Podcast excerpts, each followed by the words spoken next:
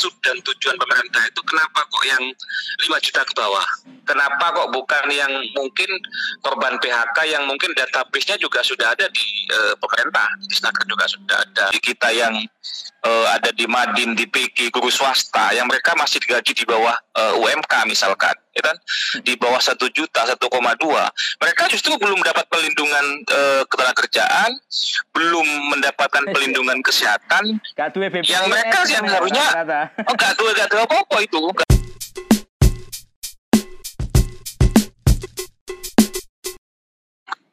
Gimana pendapatnya kalau memang nanti yang di bawah 5 juta? Halo? Halo, ya?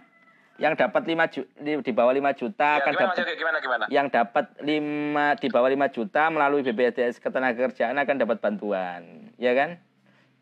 Infonya. Ya, ya betul betul betul. Bagaimana ini melihat kondisi para pekerja saat ini, kemudian entah itu di sektor buruh, entah itu di sektor yang swasta yang lain, apa pendapatnya sampean dengan kebijakan ini?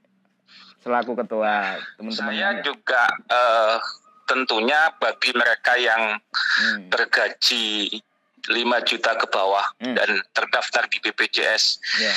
ketenagakerjaan ini merupakan kabar yang mengembirakan Hmm. gitu Hmm. Hmm.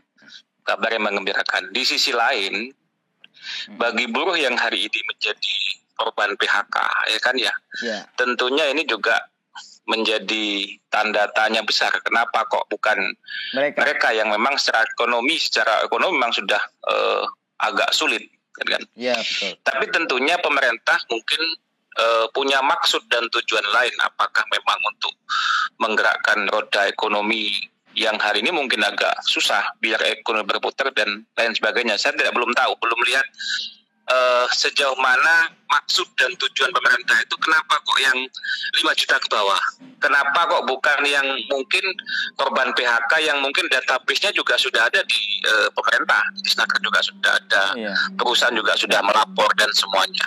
Dan sampai hari ini kita juga masih agak bingung ini maksud dan tujuan itu apa. Itu rata-rata belum dapat atau gimana ini, Pak? Ya sampai hari ini mereka belum banyak belum dapat hari ini semakin lama semakin eh, meningkat gitu loh. Oh, iya. iya. Justru kalau saya memang kalau memang mau biar ekonomi ini pulih tentunya bagaimana mereka yang hari ini menjadi korban PHK baik eh, yang sudah mendapatkan pesangon atau bahkan yang rata-rata belum dapat pesangon ini yang mungkin perlu mendapat perlindungan lebih dari pemerintah Iya. pusat maupun pemerintah daerah. Bukan justru mereka yang hari ini memang kita punya pasukan di bawah yang memang eh, masih aktif, BPJS juga masih normal, kemudian mereka juga eh, mendapat eh, bantuan. Kami ya kami apresiasi, cuma kebijakannya agak agak membingungkan bagi kami gitu. loh, Mas Yogi. Mm-mm. Seperti itu. Hmm. Kalau sejauh pengamatan Anda di Jawa Timur, apa khususnya di Kabupaten Pasuruan dan sekitarnya, Oh, oh. ini tingkat PHK ini tinggi, terus kemudian eh, dampak sosial ekonomi yang bisa dirasakan oleh mereka, rata-rata kemarin kan kita ngomong soal ya wong-wong sadar sih, sih menyadari gitu antara nih perusahaan BPU masih sadar. Nah sejauh ini apa kasuistik-kasuistik yang mulai muncul pasca pandemi atau di di, di era pandemi ini? Kayak Ya, kalau di awal, ya, kalau di awal mungkin betul terdampak pandemi. Jadi di awal-awal sudah ini pandemi di awal. Hmm, hmm, Jadi mereka dirumahkan, kemudian di PHK dan semua di awal. Tetapi hari ini lama kelamaan pandemi ini juga dimanfaatkan oleh perusahaan yang memang secara eh, kemampuan perusahaan masih bagus, Ya. secara produksi masih bagus Hmm. untuk eh, melakukan pemutusan PHK terhadap karyawannya. Jadi memang eh, pandemi ini dijadikan alasan pembenar oleh mereka untuk melakukan eh, PHK. Mungkin mumpung ini masih pandemi dia punya alasan kuat untuk eh, melakukan PHK karena memang secara eh, produksi mereka mungkin secara penjualan memang agak sedikit ada penurunan pasti. Tetapi sebenarnya mereka masih bisa mempertahankan karyawan mereka. Tapi karena mungkin ini mumpung pandemi COVID-19 belum selesai, mungkin ini sehingga mereka mempunyai alasan benar untuk bisa melakukan PHK terhadap eh, karyawan gitu. Itu Mas Yogi yang hari ini. Jadi semakin lama ini sudah maksud dan tujuannya memang sudah berbeda lagi. Yang awal memang terdampak COVID-19 tapi semakin ke sini semakin mereka punya mencari alasan yang benar. Bagi mereka yang mungkin hari ini mempunyai karyawan sudah kelebihan gitu loh Oh. sehingga bisa melakukan efisiensi di sini gitu loh Hmm. Seperti itu Mas Yogi, seperti Siap, itu. siap, siap, siap. ya artinya bantuan ini juga belum dianggap ya apresiasi lah kita membantu untuk yang 5 juta. Tapi di sisi lain konco-konco buruh yang non apa ya yang informal sekarang mereka kan ya kebingungan juga ya dalam proses itu. Nah betul, mereka yang lebih butuh sebenarnya, lebih Hmm. butuh, ya kan ya. Jadi kita agak bingung kenapa yang di, digaji itu misalnya kan mereka yang eh, 5 juta ke bawah yang terdaftar di BPJS karena otomatis kalau terdaftar di BPJS ketenagakerjaan mereka juga mendapatkan Hak. Ya. Wah. pelindungan kesehatan Ya, betul, otomatis betul, ya secara otomatis ya. eh sektornya informal, Hmm. ya informal, korban PHK, tenaga pendidik yang mungkin berada di bawah naungan eh, guru madin dan semuanya. Nah, kalau kita mau menggerakkan secara eh, ekonomi globalnya, seharusnya ini juga bisa digerakkan karena mereka juga pekerja buruh juga ya kan, tenaga Ya. pendidik kita yang eh, ada di Madin, di PG, guru swasta, yang mereka masih digaji di bawah eh, UMK misalkan, ya kan, di bawah satu juta, 1,2 mereka justru belum dapat pelindungan eh, ketenagakerjaan, belum mendapatkan pelindungan kesehatan. Duwe. Yang mereka yang harusnya oh gak tahu gak tahu apa itu, gak Iya, gak apa. Kenapa bukan ini gitu loh? Hmm, hmm, hmm. Kenapa bukan ini? Nah, kalau kita punya anggota yang eh, gaji di bawah 5 juta, emang mereka senang hari ini gitu loh. Hmm. Senang mereka dapat gitu loh. Hmm, hmm. Artinya ya inilah bisa bisa inilah bisa bisa nyambung hidup mereka lagi. Hmm. Tetapi bagaimana mereka yang memang betul-betul butuh? Kenapa kok eh, bukan yang mereka betul-betul butuh? Siapa yang betul-betul butuh hari ini? Yaitu mereka yang korban PHK, baik yang dapat pesangon atau yang belum bahkan dapat pesangon, pekerja sektor informal, kemudian pekerja memang seperti tenaga pendidik, baik yang di guru swasta maupun di Madin, yang gaji mereka memang jauh di bawah UMK, wis gak duwe BPJS ya kan, sekolah sik tutup, Hmm. guru nih kate narik margini sekolah narik SPP yo sungkan gitu. Iya, bener bener. Loh, mereka semakin terpuruk gitu loh. Hmm. Kenapa kok bukan ini yang disasar oleh pemerintah? Apakah Tentunya barangkali gini, barangkali pemerintah itu menganggap oh wis bikinane dikai BLT, wis dikai dan sebagainya yang kemarin toko Kemensos. Apakah segmen itu sudah pernah disentuh, sudah secara keseluruhan disentuh? Jangan-jangan mereka nggak Oh, sama. itu pemerintah. Oh enggak, enggak maksudnya karena sektor informalnya nggak kesentuh sampai hari ini gitu loh. Nggak Oh. kesentuh sebenarnya mereka.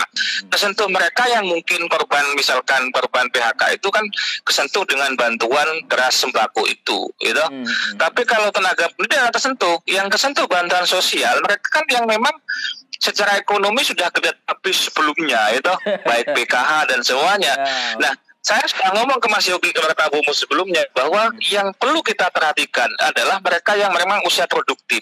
Usia produktif itu usia mereka baru nikah antara 20 sampai 30 Oh, ya. tahun. Ini tinggi sekali, sangat tinggi dan mereka ada sik di penggawean, golongan sik yang gawe, sik kayak terapi ya. sih golek pengalian dan semuanya. Hmm. Ya tau kayak terapi, kayak tuh bojo, kayak tuh anak, ya kan? Sekolah aneh, wis misalkan si trei, sehingga kepala sekolah yayasan mungkin kate narik SPP yo sungkan gitu. Karena sungkan gak iso bayar guru nih. Loh, ini yang harusnya memang eh, menjadi perhatian pemerintah pusat maupun pemerintah daerah, termasuk kawan-kawan di DPRD bagaimana mereka bisa nyambung hidup gitu loh. Hmm. Karena mereka sudah jelas gak oleh pelindungan BPJS nggak duwe baik tenaga kerja maupun eh, kesehatan. Dan ini mereka yang paling terpukul sebenarnya. Tapi kok sing wis gaji nih penak itu sing wis gaji nih penak kemudian wis oleh BPJS tenaga kerjaan mereka otomatis dapat BPJS kesehatan. Loh kok iki sing dibantu Iya, oleh iya. pemerintah ya kan ya? Hmm. walaupun saya ketua serikat saya anggota hampir semua anggota saya dapat ini ya kan ya? Oh, iya, pasti iya, mereka iya. seneng gitu seneng.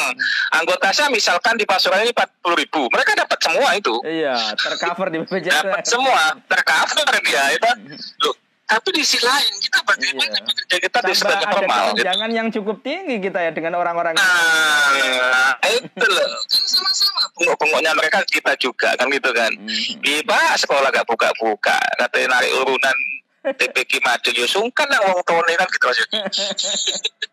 gitu eh, si sekolah keren ngono lah ya terus gimana lagi dan mereka yang paling terpukul kalau saran saya inilah yang harus kita perjuangkan sama-sama gitu loh. Siap, siap, siap. Nah, Oke. kecuali beda lagi Mas Yogi. Beda lagi kalau misalkan itu diambilkan dari eh, hasil jasa usahanya BPJS itu beda lagi karena uangnya. Tetapi kalau sama-sama diambilkan dari APBN, tentunya harus ada keadilan dong.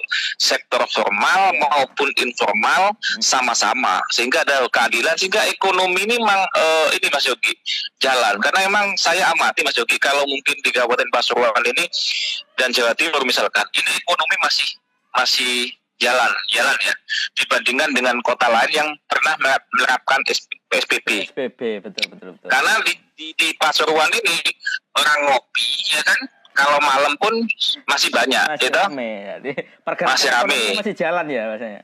Masih jalan, masih jalan. Kalau Jawa Timur masih jalan. Bahkan kalau Surabaya itu hari ini konsep hotelnya sudah mereka sepi tamu tapi di balkon atasnya sudah dibuka untuk tempat ngopi gitu loh. Oh. Untuk menghindari obrakan kan gitu lah. Hmm, hmm. Jadi ngopinya kalau wilayah kota-kota besar Surabaya sudah sudah di di lantai atas hotel sehingga mereka eh, menghindari untuk obrakan. Eh ini di kota kabupaten BPJS ketenagakerjaan itu apa maksudnya sampean mau? Apa memang itu sudah jadi masukan BPJS?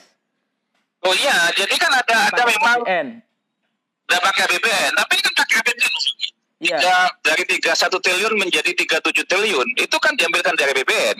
iya, Cuma seleksinya kan lewat BPJS. iya. Nah, berbeda lagi misalkan teman-teman pegawai ini kan sebenarnya nabung toh di BPJS ketenagakerjaan. nabung, nabung, Nah, nabung. di situ ada pengelolaan jasa jadi sampean apa ya? Sifatnya. Ah betul. Jadi misalkan eh, uang BPJS setelah kerjaan uang buruh ini kan triliunan di situ. Oh, iya. Mereka investasikan ke ke saham yang lain dan lain-lain kan banyak diinvestasikan. Kenapa itu Tapi ini kan diputar biasa. ya? Nah, kenapa nggak diputar ini? Gitu loh. Tapi ini kan diambil APBN. Kalau saya condong uang yang buruh hasil jasa usahanya itu dikembalikan kepada buruh, ya kan ya? Ah, ya. Yang dari APBN-nya dikasihkan kepada tenaga pendidik, sektor informal, Hmm. buruh non pabrik, tenaga PKL dan semuanya itu mungkin lebih pas gitu loh. Hmm. Sehingga ekonomi ini hidup gitu loh, nggak jomplang. Yang kaya semakin kaya, Yang- sing miskin tambah nemen gitu loh. Oh. Nah, itu yang yang yang yang, yang saya beli kan, loh, sing suki tambah suki gitu loh itu. Mhm. Wes nyambut gawe kok, iya kan ya? BPJS oleh, Mhm. ya, loro pun tidak perlu bayar karena sudah ditanggung oleh perusahaannya. Oh, iya. Bagaimana dengan tenaga pendidik, ya kan ya? Hmm. Guru-guru swasta kita, guru madin, sing saiki guru ini apa sekolah sih tutup, ya kan? Kate narik SPP, wong tuane gak nyambut gawe, wong eh, sekolah gak iso narik juga, ya kan? Hmm. Mereka gak gajian dari ini Mas Yogi. Itu yang mungkin menjadi Oke. eh, perhatian kita semuanya sebenarnya itu. Oke, siap. Terima kasih. Oke, Mas Yogi. Suwun jaga sih. Ya, Assalamualaikum. sudah, sudah, sudah. Ya.